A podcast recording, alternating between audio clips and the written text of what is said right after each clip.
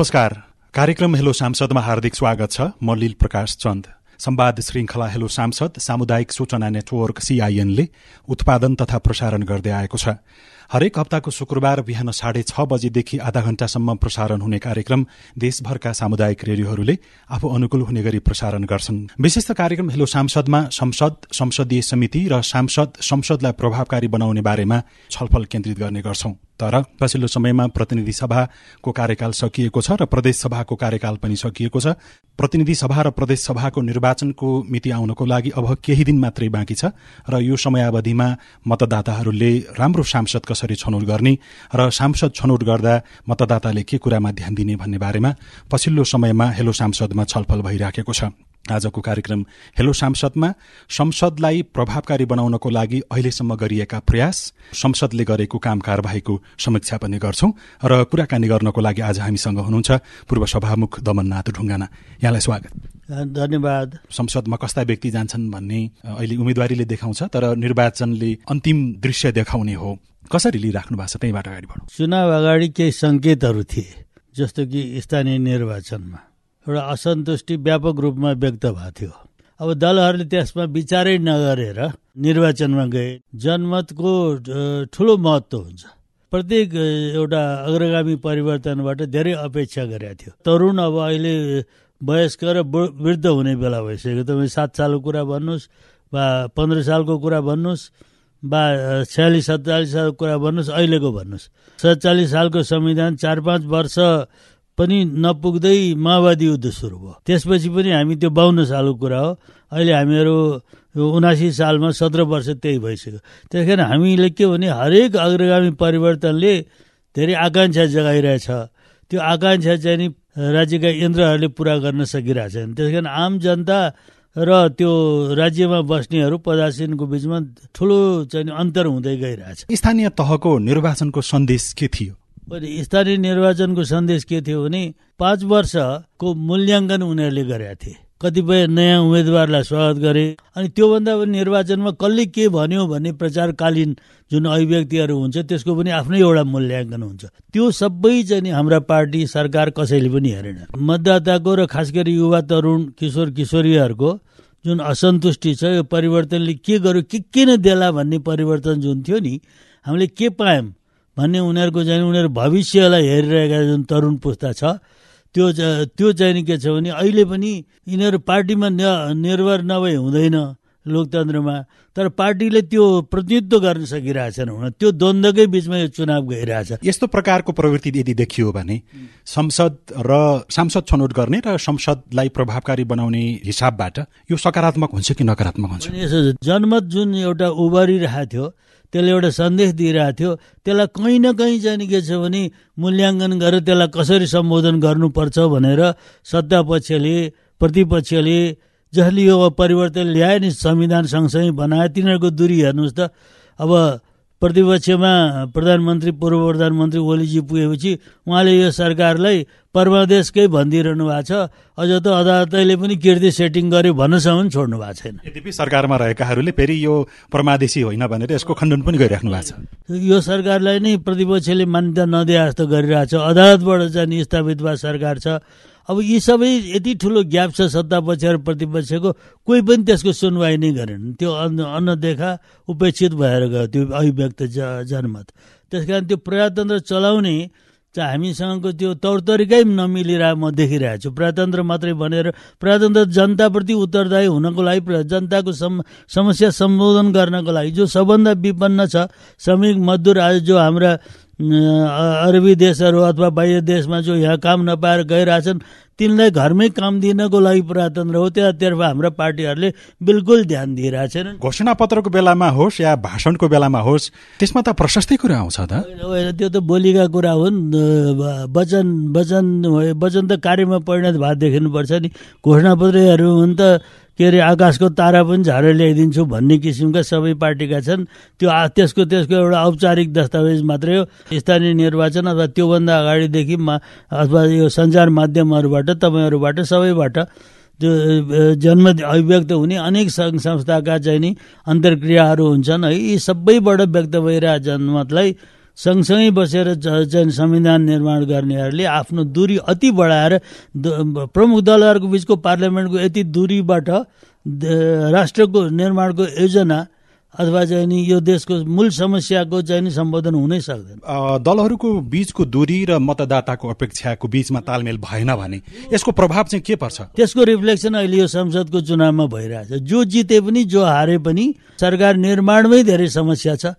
कसैले चाहिँ नि बहुमतै ल्याए पनि राम्रो बहुमत ल्याए पनि प्रधानमन्त्रीको हुने भन्नेमै त्यो द्वन्द्व प्रकट हुनेछ। जनअपेक्षा के छ भने जो असफल सिद्ध भइसकेकाहरूमा प्रधानमन्त्री नजाओस् भनेर जान्छ।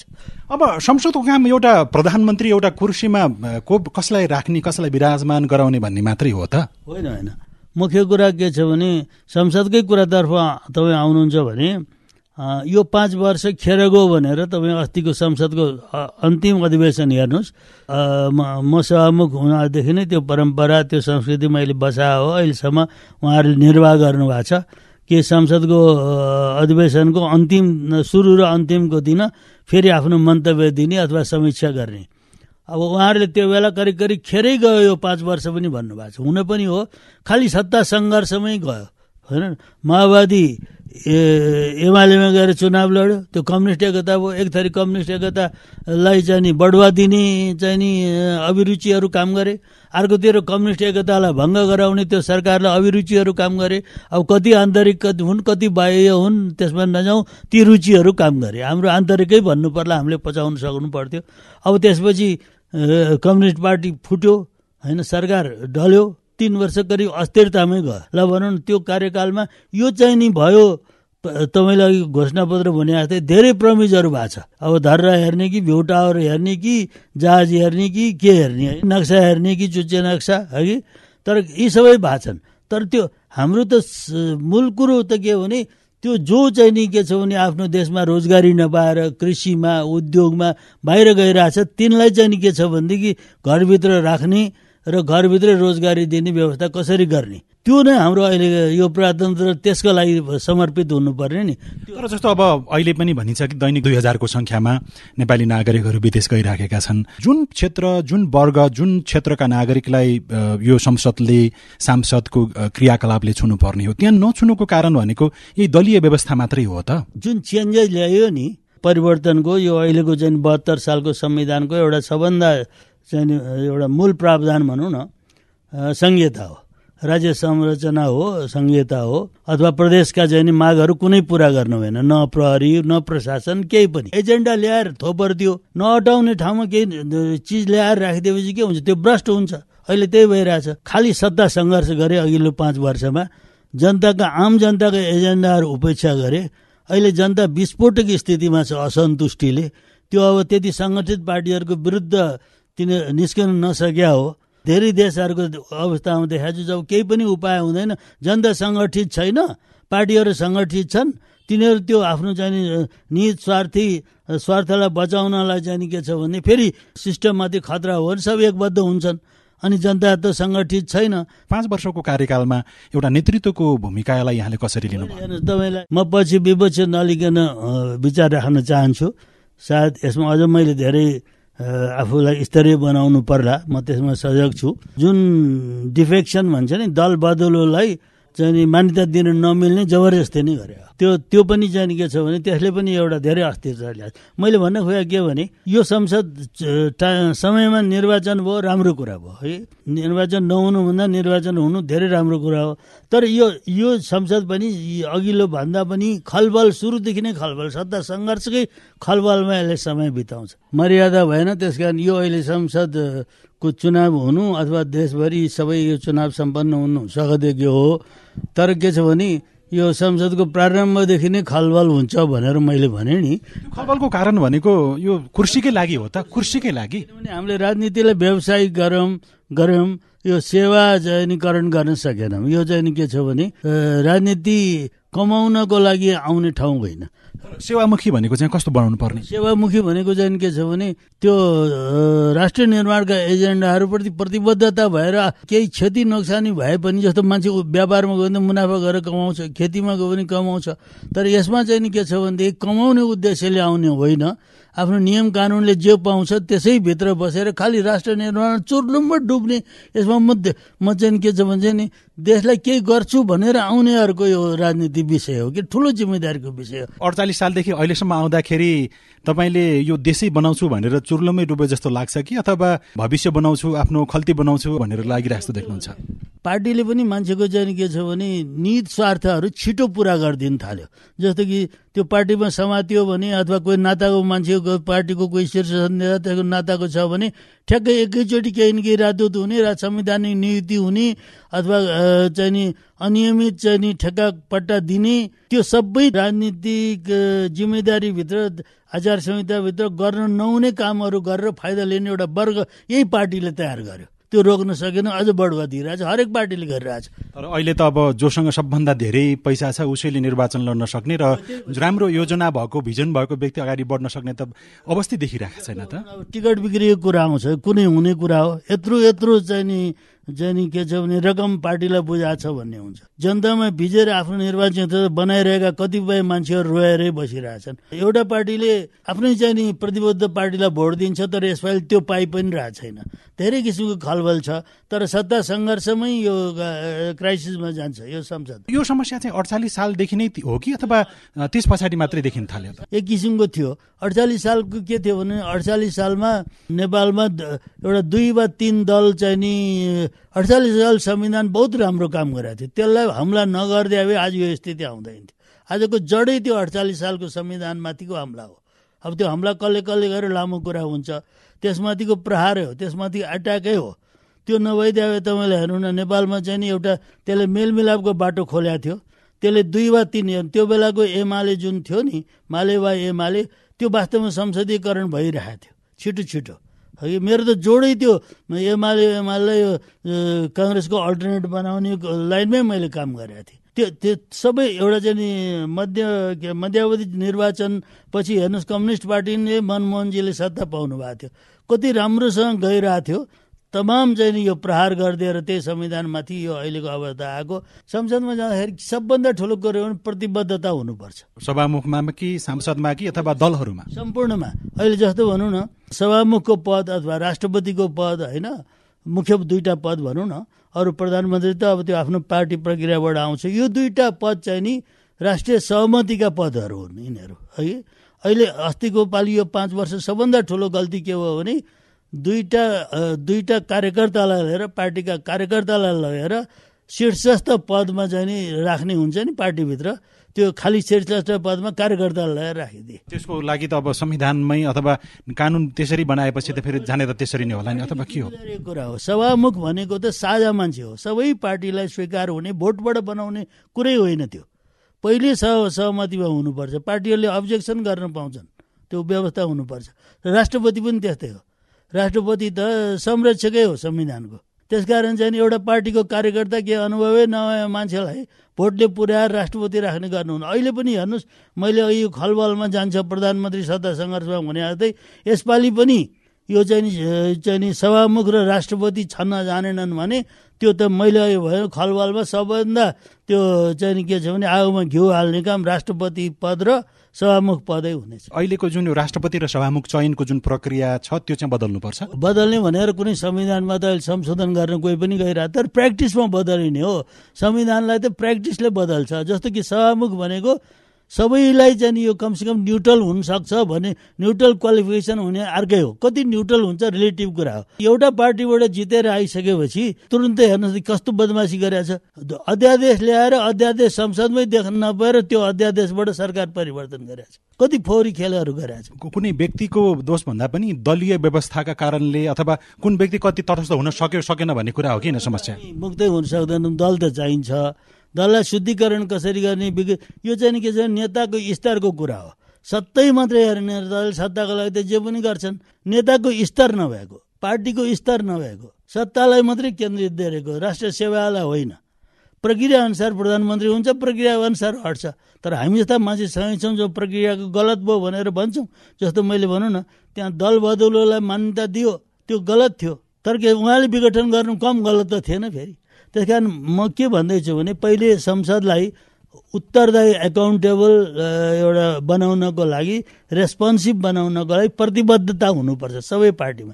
त्यसको लागि सबै अब निर्वाचनबाट त जो आए आए सभामुख सेलेक्सनमा चाहिँ नि एउटा अपेक्षाकृत न्युट्रल हुन सक्ने मान्छे सबै पार्टीलाई एउटा आन्तरिक छलफलबाट यो चाहिँ नि ल्याउनु पर्छ सभामुख र राष्ट्रपति लगायतको जुन कार्यकारी पदहरूको बिचमा तालमेल भएन भने कानुन निर्माणमा अथवा संसदको काम कारबाहीमा के कस्तो असर पर्छ? यसै पालि भनौँ न अब एमाले ठिक गर्यो बेठिक गरेर छोडिदिनुहोस्। सभामुखै चाहिँ एउटा विवादको कारण भएन। लामो अवधि यत्रो अवरोध भयो उब्रो जम्मै त्यो बेलाको जम्मै रेकर्ड हेर्नु त जम्मै सभामुख लक्षित थियो। त्यस कारण म अहिले के भनिरहेको छु भने म त एउटा अब्जर्भर पर्यवेक्षक भएर प्रजातन्त्र माथिका दोषहरू मानिस व्यवहारमा ल्याउँदा सञ्चालनका दोषहरू हेरिरहेको छु र म औँल्याइरहेको छु त्यस कारण मेरो यस यसबिचमा के भने निर्वाचित जो आउँछन् आउँछन् प्रधानमन्त्री त एउटा प्रक्रियाबाट हुन्छ।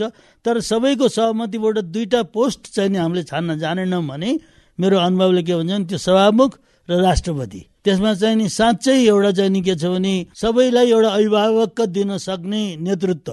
खास गरी अझ राष्ट्रपति। अभिभावकै हो त्यो। त्यस कारण त्यो नेतृत्व ल्याउन सकेन भने मलाई लाग्छ खलबलको कारण फेरि पनि हुन्छ। सांसद छनौट गर्दाखेरि चाहिँ ध्यान दिनुपर्छ कि पर्दैन मतदाताले? होइन त्यो त अब मतदा मतदाताले त के गर्नु? मतदाता त लाचारी छ। हुन त हरेक व्यक्तिको उठ्ने हक छ।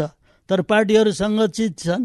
व्यक्ति सङ्गठित छैन। त्यस कारण स्वतन्त्रहरू आउन सक्दैनन् राम्रा गतिला मान्छेहरू कम्पिटेन्ट मान्छेहरू दक्ष मान्छेहरू राष्ट्र सेवामा धेरै नै योगदान दिन सक्ने मान्छेहरू म उठौँ भने पनि सक्दैनन् किन उनीहरू सङ् सङ्गठित छैनन्।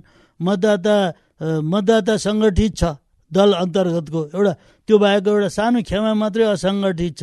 त्यसले त्यस्तो योग्य मान्छे छान्न सक्छ भोट पुग्दैन। त्यस कारण दलले नै योग्य मान्छे ल्याउनु पर्छ। त्यो दलले गरिरहेछन्। दलले दलभित्रकै मान्छे पनि अझ टिकटबाट अलिकति के केबाट चाहिँ नि सेटिङ भन्छ नि आजभोलि सेटिङबाट आइरहेछ। त्यस कारण जनतामा भिजेको मान्छे दलले ल्यायो भने ठिक छ। हामीलाई केही भन्नु छैन। त्यसको त्यो नै योग्यता हो। जनतामा जसले सुख दुःख जाने छ त्यही नै योग्यता हो। तर त्यो योग्यताले मात्रै पुग्दैन। धेरै दक्ष मान्छेहरू संसदमा चाहिन्छ। अहिलेको स्वतन्त्र उम्मेदवारीले यसमा कतिको चुनौती थप्छ? दलीय व्यवस्था र दलीय रूपमा उठेका उम्मेद्वारहरूलाई। होइन स्वतन्त्रहरूको त म अहिले भन्न सक्दिनँ। तर के भने मैले भनिहालेँ असङ्गठित हुन्छन् तिनको बारेमा केही भन्न सकिँदैन।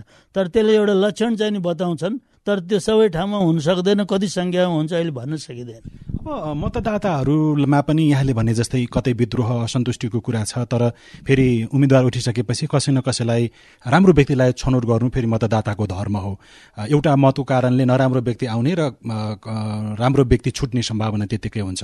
मतदान गर्नको लागि मतदाताहरूको भूमिका महत्त्वपूर्ण के कारणले हुन्छ? एउटा न्यायाधीश त निर्णायक त मतदातै हो।